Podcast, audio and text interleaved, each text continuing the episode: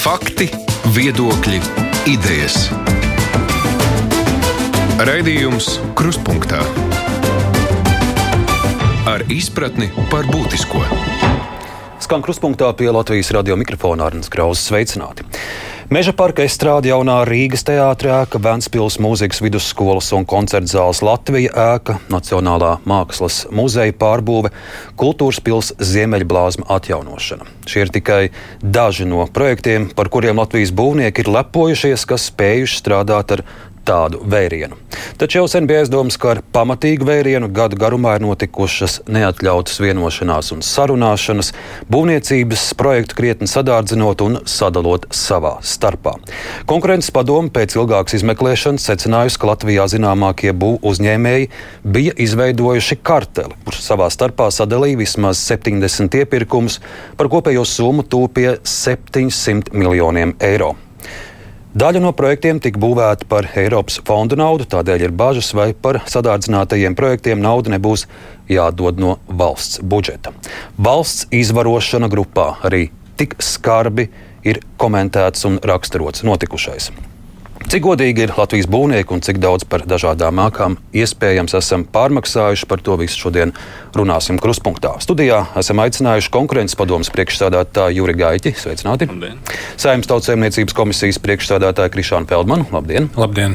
Latvijas būv uzņēmēju partnerības vadītāju Gintu Miķelsonu. Labdien! Labdien! Un attālināt mūsu sarunai pievienosies arī ministru prezidenta parlamentārās sekretāra Evika Siliņa. Labdien! Labdien! Un ekonomikas ministrijas valsts sekretārs Edmunds Valantis. Sveicināti! Labdien!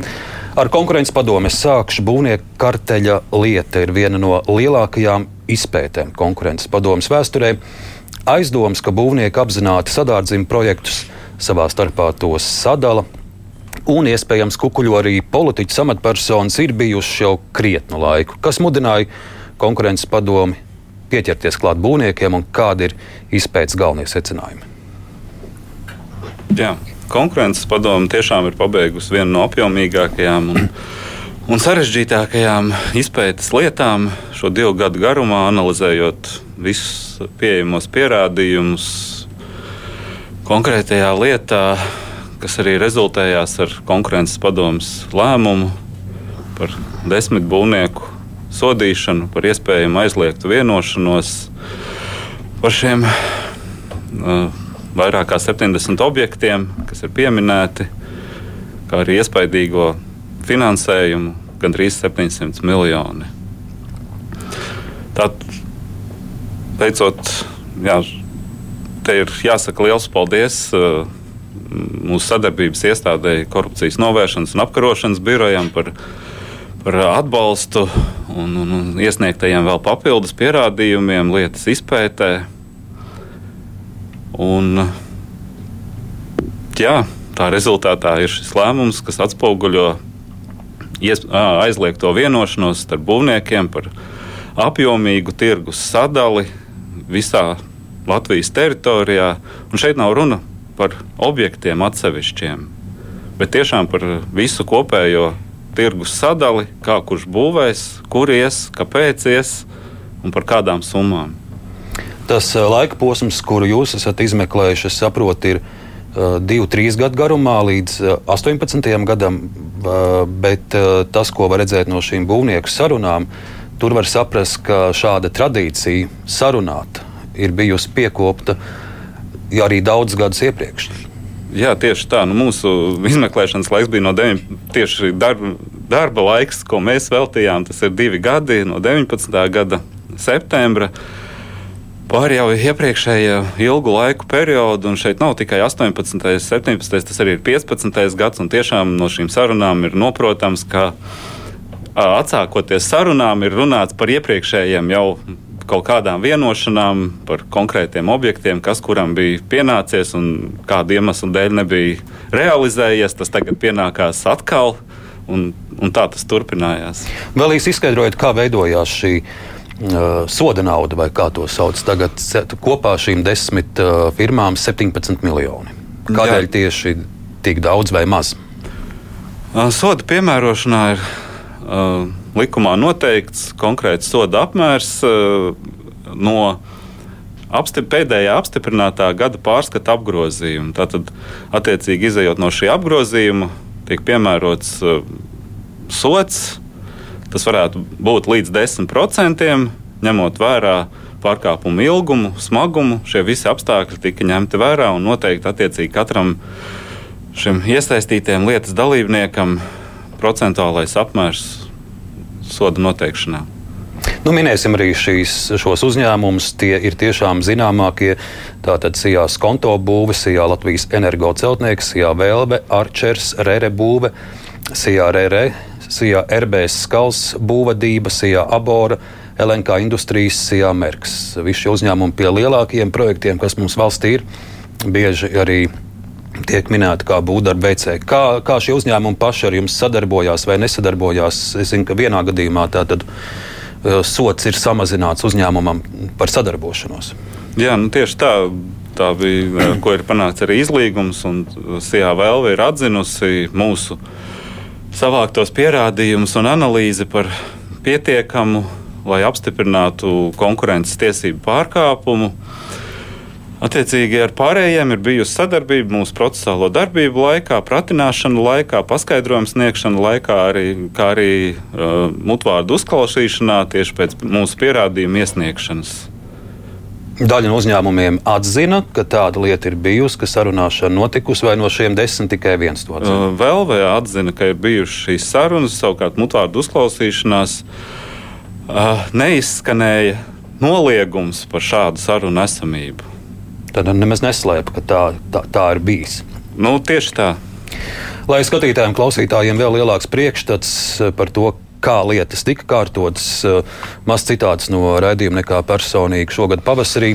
Tā saucamā būvnieka lieta jaunu pavērsienu ieguva 15. gadā, kad atklājās, ka nevien Pirtī, Babītas novadā, bet arī Jūrmalā neoficiāli vismaz divas reizes mēnesī tiekas būvniecības smagsvari, lai sadalītu valsts un pašvaldības iepirkumus. Trīs gadu garumā knabs sarunas ieraksta arī Lielupē bijušā zvejnieka kolhoza jūras līdzes teritorijā, lai gan kā teritorijas īpašnieks publiski ir zināms Andris. Andris Šķēle šajās neoficiālajās būvnieku sarunās kā saimnieki jūtas Guntis Rāvis un Māris Martinsons. No sarunām maiņā jūras līča teritorijā izriet, ka būvnieki vienojušies, kurš gūs uzvaru, kurā pašvaldības vai valsts iepirkumā vienojas par cenām un cenšas strikti pie šī nelāgā saraksta pieturēties. Objekti ir daudz, sākot no meža parka estrādes līdz pat skolām, peldbaseiniem, ceļiem. Lai panāktu vēlamo, būvniekiem vajadzīgi sakari iepirkuma komisijās, savs cilvēks, kurš raksta konkursu nolikumu, un nepieciešams, lai pārējie nelegālās vienošanās dalībnieki pieturas pie solītā un pēkšņi nestartē konkursā ne tā, kā bija sarunāts. Būvnieki apspriež, ka sarežģītākās situācijās ir jāpiekukuļo amatpersonas, kas var ietekmēt iepirkuma rezultātu. Tas darīts slēpti visbiežāk caur ziedojumiem politiķu hobijam. Retāk nauda maksāta tieši uz neoficiālajām sanāksmēm jūrmalā sanāk būvniecīgas smagsvari, kuri tajā brīdī vai nu ir kompānijas valdē vai īpašniekos, vai kuriem ir ietekme pār uzņēmumu. Karteļa sarunās piedalās Guntis Rāvis un Ivars Millers no Skonto būvis, Māris Martinsons, kurš pārstāv Velvi, Armans Garkāns no Binders un Arčers, Arķoms Milovs no LNK industrijas, Ainārs Pauniņš un Dīts Putniņš no Re un Re un tā tālāk. Šīs sarunas tātad knapi bija ierakstījis, un tās bija jūsu rīcībā. Vai jūs esat domājuši, ka tās varētu arī publiskot, lai mēs tad sabiedrību dzirdam? Uzvārdi tagad ir zinām, kas tur ir piedalījušies, lai mēs dzirdam un redzam, kā tās lietas tika kārtotas. Daļa sarunu ir publiskotas, ievērojot šo personu datu aizsardzību. Mūsu lēmumā šīs sarunas tiešām ir atspoguļotas, un katrs var iepazīties ar un izdarīt savus secinājumus un spriedelējumus par Jā, tām. es arī paskatījos, tur ir tie citādi, bet uh, tur jau grūti noteikt, kurš ko ir teicis. Nu, jā, nu tāda mums ir personas datu aizsardzība, un uh, tas ir tiešām ierobežot pieejamības informāciju. Ja būtu jūsu teikšana, jūs ļautu publicēt, lai mēs visi dzirdam, kā lietas kārtoja? Um, pieļauju pēc uh, galīgā tiesas sprieduma. Tas būtu pat jā, vēlams. Nu, lai klausītāji, kuri varbūt nav pilno konkurences padomus lēmumu izlasījuši, lai viņiem ir priekšstats, daži citāti no šīm sarunām. Mēs visi strādājam par grašiem un ir nepieciešamība nopelnīt beigās vismaz kaut kādu naudu. Tā ir teicis viens no sarunas dalībniekiem. Tāpat sarunas atklāja, ka vienošanās mērķis ir gūt visiem kopīgu labumu. Lūk, atkal citāts, ja apgrozījums ir 60, 70 miljoni, mēs beigās esam pusmiljonu tikai nopelnījuši. Priekš kam? Tad labāk tos 70 miljonus būvēt trīs un katrs nopelna to miljonu. Un tad vēl uh, var redzēt, ka karteļa mērķis bijis ar mazāku resursu ieguldījumu panākt lielāku kopējo labumu. Un par to liecina vēl kāds citāts ko kāds no uzņēmuma vadītājiem ir teicis. Tā doma ir, vai mēs varam katrs varbūt mazāk strādāt, bet vairāk kaut ko nopelnīt. Nu, gribētu tomēr zināt, sabiedrība, kurš ir šos vārdus teicis. Jā, nu, teicieni ir spilgti. Katrs gribētu mazāk strādāt un vairāk nopelnīt, bet, nu, diemžēl, tā tas nedrīkst notikt.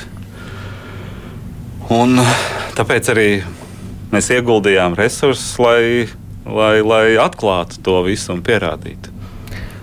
Kas notiks tālāk? Es jau ievadā minēju, ka, protams, viena liela daļa, puse gandrīz šo uh, projektu ir tapuši par Eiropas fondu naudu, un jau ir izskanējis, ka Eiropa, uh, Eiropas komisija ļoti sīki arī smalki seko šim konkurences padomus lēmumam, un tagad to analizē. Mēs pat tālu un esam sazinājušies ar Centrālās finanšu un līguma aģentūras direktoru Anitu Krūmiņu. Sveicināti! Sveicināti! Vai aģentūra jau ir izpētījusi un iepazinusies ar konkurences padomus lēmumu, un kādi varētu būt tālākie soļi no jūsu puses? Jo, uh, cik es lasīju, uh, ir, ir dažādi varianti. Ir iespēja, ka daļa naudas ir jādod, bet, ja apstiprinās, ka patiesi, biju, patiesi bijuši koruptīvi gadījumi, tad tās summas varētu būt diezgan lielas, kurš tagad būtu jākompensē.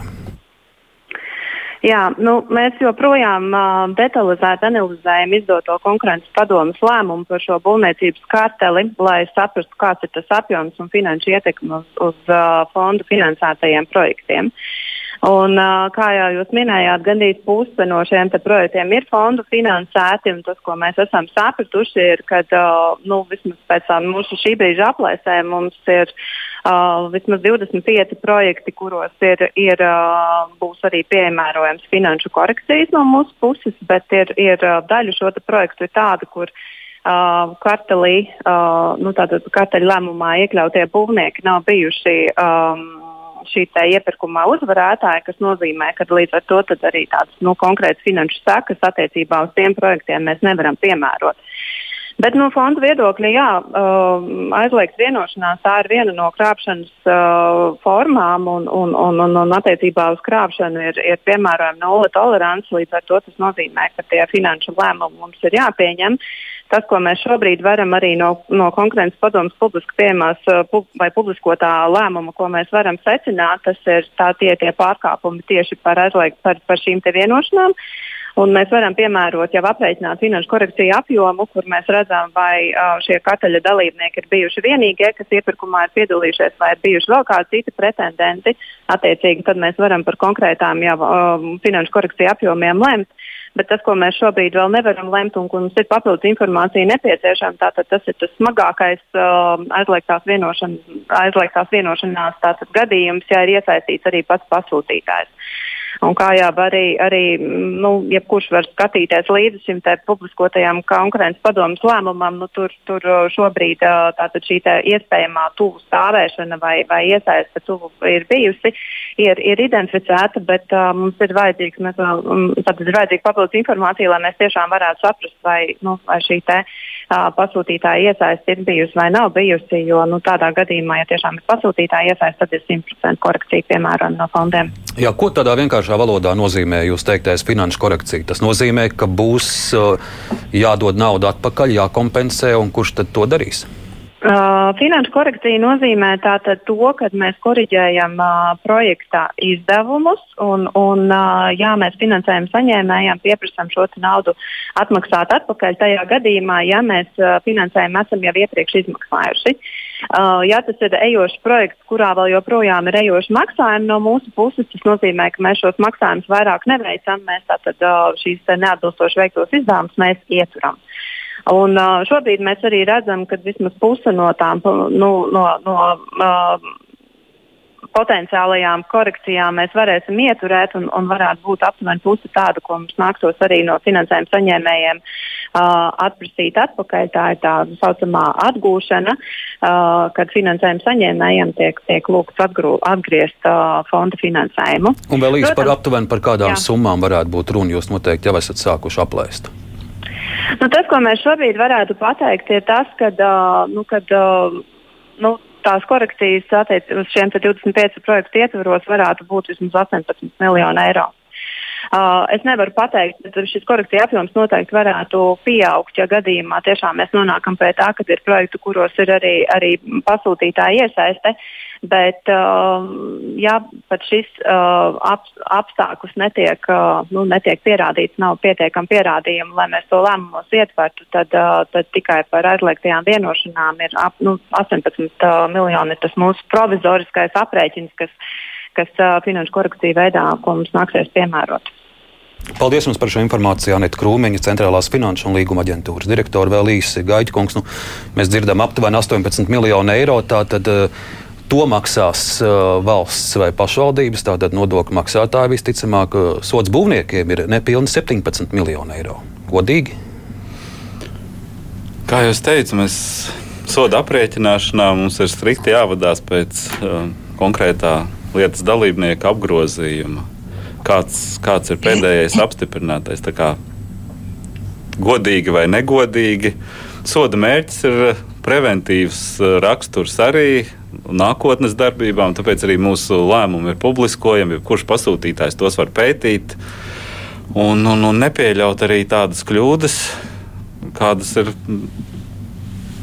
pieļāvuši citi pasūtītāji. Šā brīdī laiks uzrunāt arī būvniekus. Latvijas būvniecības partnerības vadītājs Gins Miķelsons. Miķelsons kungs, es vakar Latvijas televīzijā skatījos pārraida koncerta no atjaunotās dziesmu svētku estrādes piemiņas koncerts brāļiem Kokariem.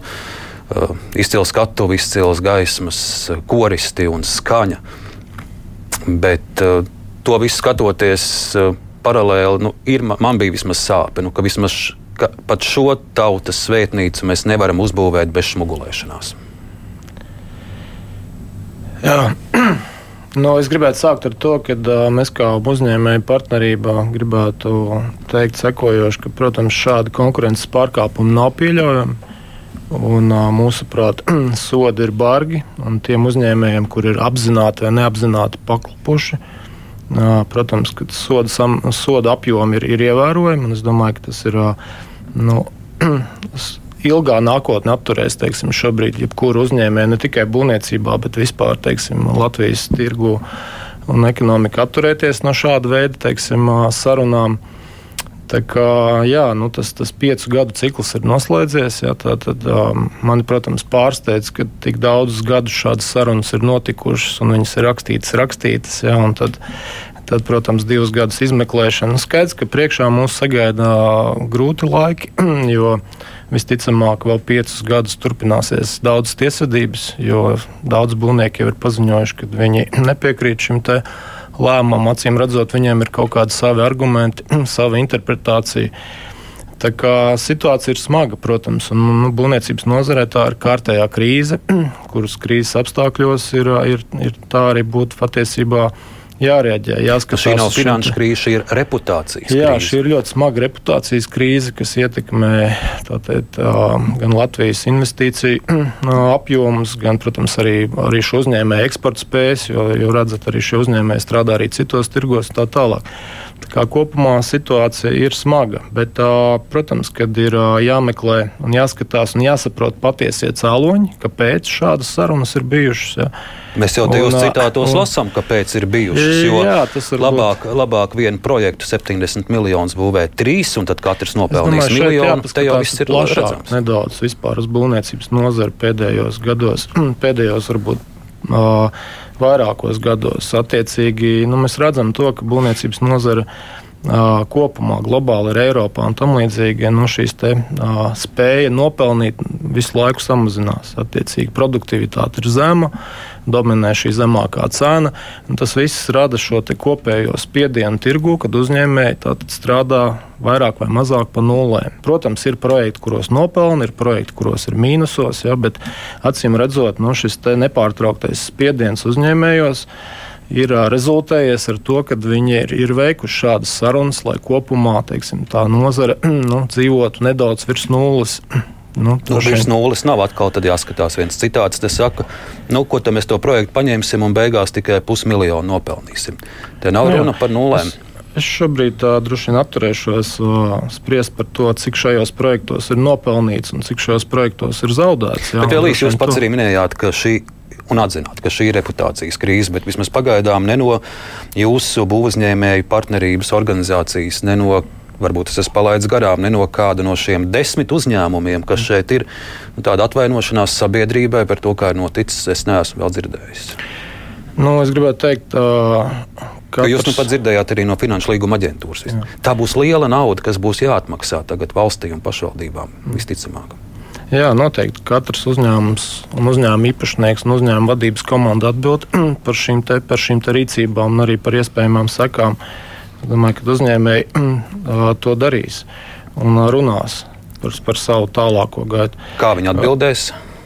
Kā nu, viņi plāno atbildēt? Redzat, tur scenāriji ir dažādi. Jūs jau redzat, nu, viena uzņēmuma grupa ir bankrotējusi, patiesībā nu, pazudusi no tirgus. Arī droši vien var panalizēt, kāpēc tas tā noticis. Nu, Citi ir, kā jūs teicāt, labs piemērs ir Vēles piemērs, kas arī ir mūsu biedrs, ja, kurš ir paziņojis, ka viņi atzīst šo savu vainas pakāpi, ja, un tālāk ir gatavi atjaunot uzticamību un strādāt tirgu. Uh, ir uzņēmēji, kas šobrīd vēl nav izlēmē, izlā, izlēmuši, ko darīt tālāk, un ir kādi, kuri paziņojuši, ka viņi tiesāsies. Attiecīgi, jā, nu, tur ir dažādi šie scenāriji, dažādas rīcības. Mums kā partnerībai, protams, par kopējo situāciju jā, mēs varam atvainoties. Tā pašā laikā mēs kopumā partnerība un teiksim, asociācija ir vērsta uz to, lai skatītos un risinātu sistemātiskus problēmas, sistemātiskus izaicinājumus un, un, risinātu jautājumus, kas ir vērsts uz nozares attīstību kopumā. Un pavisam īsi vēl daudz no lielajiem projektiem arvien turpinās, un šobrīd būvniecība notiek ar lielu vērienu. Kur mums, sabiedrībai, klausītājiem, šobrīd ir garantija, ka tagad visi projekti, pie kuriem jūs kolēģi strādā patiesi, mm. tiek realizēti godīgi, un atkal pēc kādiem gadiem mums nebūs jādzird knapi noklausītas sarunas, ka arī tur viss ir sarunāts. Nu, tas nebūs gluži pie manis jautājums. Es nevaru par katru uzņēmēju šobrīd, par dot katru garantiju. projektu dot garantijas.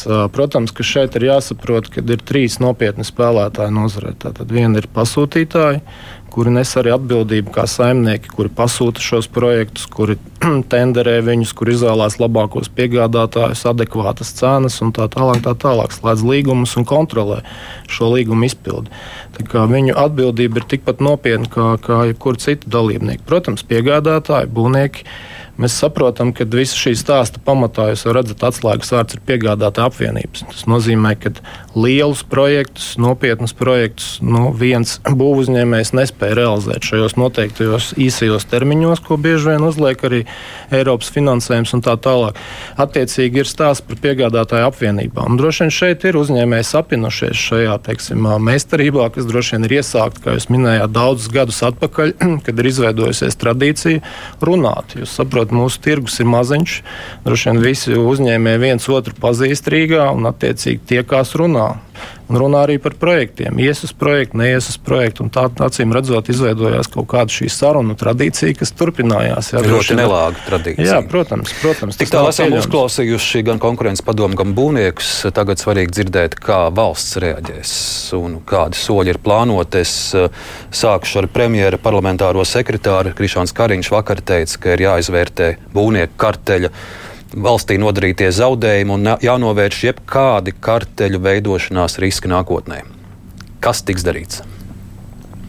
Jā, tātad premjerministrs ir izdevis attiecīgi rīkojums pēc šīs būvnieku karteļu lēmuma.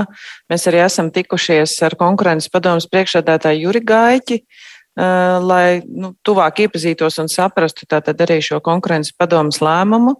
Un esam griežušies, tātad premjeras ir izdevis rezolūcijas gan ekonomikas ministrijai sadarbībā ar Finanšu tieslietu, kultūras, izglītības un varam ministrijām, tātad izvērtēt arī būvnieku karteļu lietas lēmumu ietekmi uz potenciāliem, tātad jau esošajiem projektiem gan arī uz tiem būvniecības projektiem, kas jau ir bijuši, un kā tas varētu atstāt ietekmi uz valsts budžetu. Jo, kā jūs dzirdējāt, kolēģi no CFLA aģentūras arī minēja, ka apmēram pusi no projektiem ir stadijā, kurā vēl būvniecība notiek. Tas nozīmē, ka, ja tātad finansējums tiek apturēts, tad visdrīzāk mēs nevarēsim pabeigt šos projektus laikā, vai mēs viņus vispār varēsim pabeigt. Līdz ar to tas otrs solis noteikti ir nu, tādas skaidri esam pauduši arī vēlmi, ka pasūtītājiem ir jāgriežās ar zaudējumu piedziņu tiesā, tātad pie būvniekiem saistībā ar sadārdzinājumu.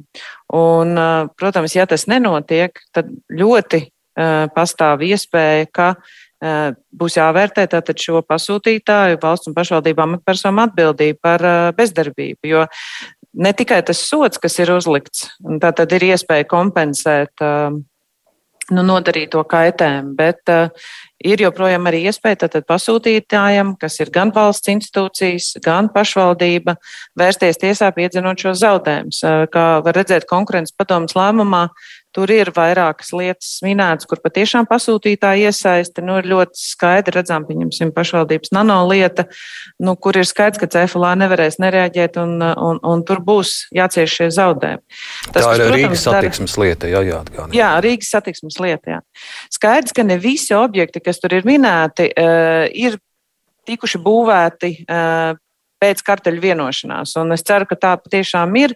Es šobrīd nevaru nosaukt, un nezinu, to noteikti konkurences padomu labāk zina, kuri ir tie objekti, kas netika būvēti šādā veidā, bet uh, par viņiem kartels ir vienojies. Tas nozīmē, ka arī iespējams, ka tur ir jāvērtē, vai ir bijis kaut kāds cenas sadārdzinājums, bet to var izvērtēt tikai pats pasūtītājs. Tātad, kas, kā šī lieta varēja viņus ietekmēt. Un, uh, minimums ir apmēram 10%, ko valsts varētu atgūt, bet, uh, protams, ir iespējams arī daudz lielākas summas atgūt no šiem būvuzņēmējiem vienmēr pastāv risks, vai būs, vai pastāvēs. Tad vēl šis būvuzņēmējs pie kā griezties, vai viņš nebankrotēs, vai nelikvidēsies.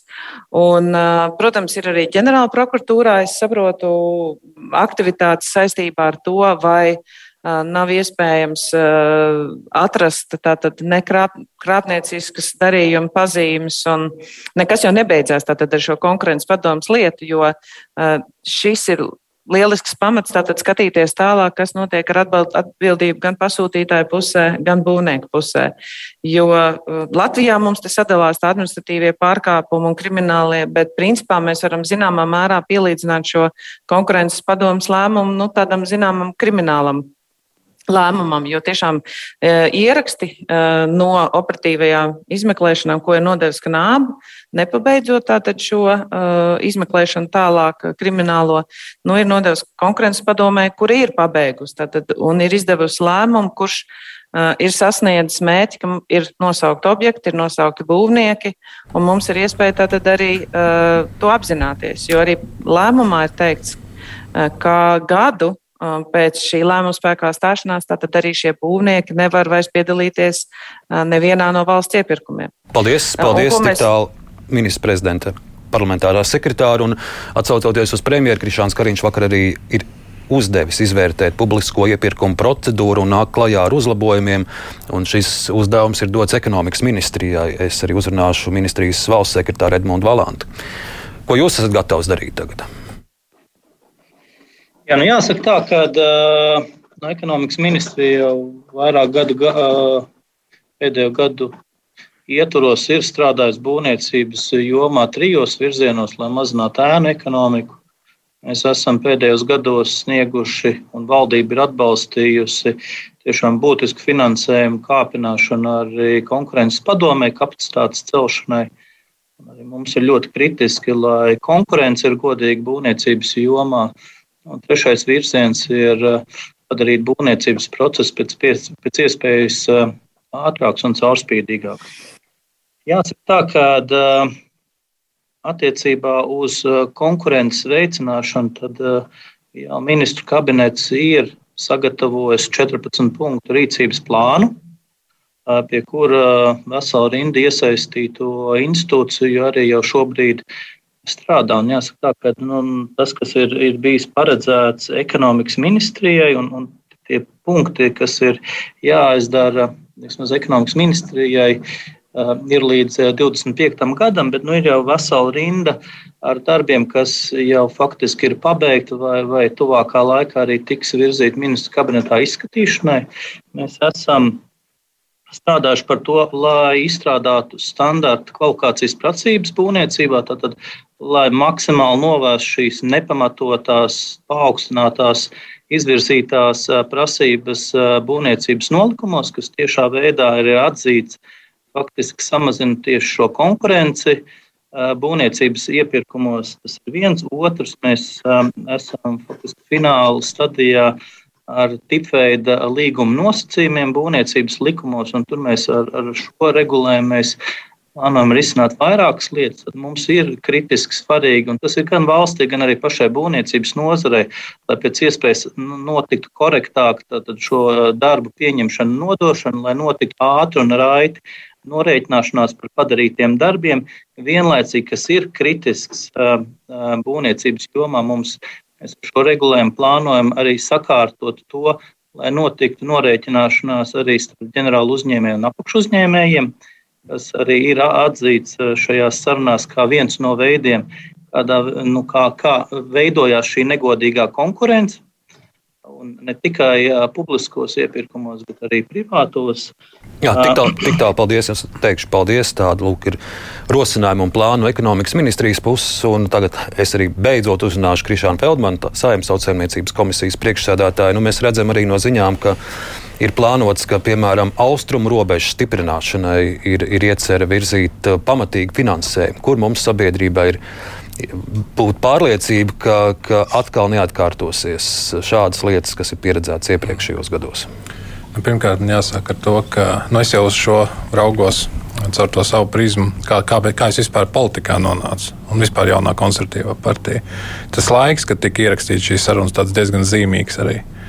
Um, nu, šajā gadījumā, nu, ko mēs kā politiķi, nu, tie, kas nav bijuši iepriekšējā saimnes sasaukumā, esam darījuši. Tātad, nu, Juris Jurašs pirmkārt vakar ir vērsies ģenerāla prokuratūrā, aicinot izvērtēt, dot tiesisko vērtējumu šai situācijai tieši pēc diviem krimināla likumā minētajiem pantiem, kas Jā, varētu būt derēt. Gadījumā lūgt jūs ne no savas partijas puses, bet kā tautsēmniecības komisijas priekšsēdētāji arī palūkoties uz šo visu. Jā, nu, es arī, es arī kā komisijas priekšsēdētājs esmu politiķis, un šajā gadījumā pirmais, kas notiks, kā jūs teicāt, tad vakar ir šis, tad, tad ir lūgts vērtēt šo krimināltiesisko aspektu par iespējamu krāpšanu grupā.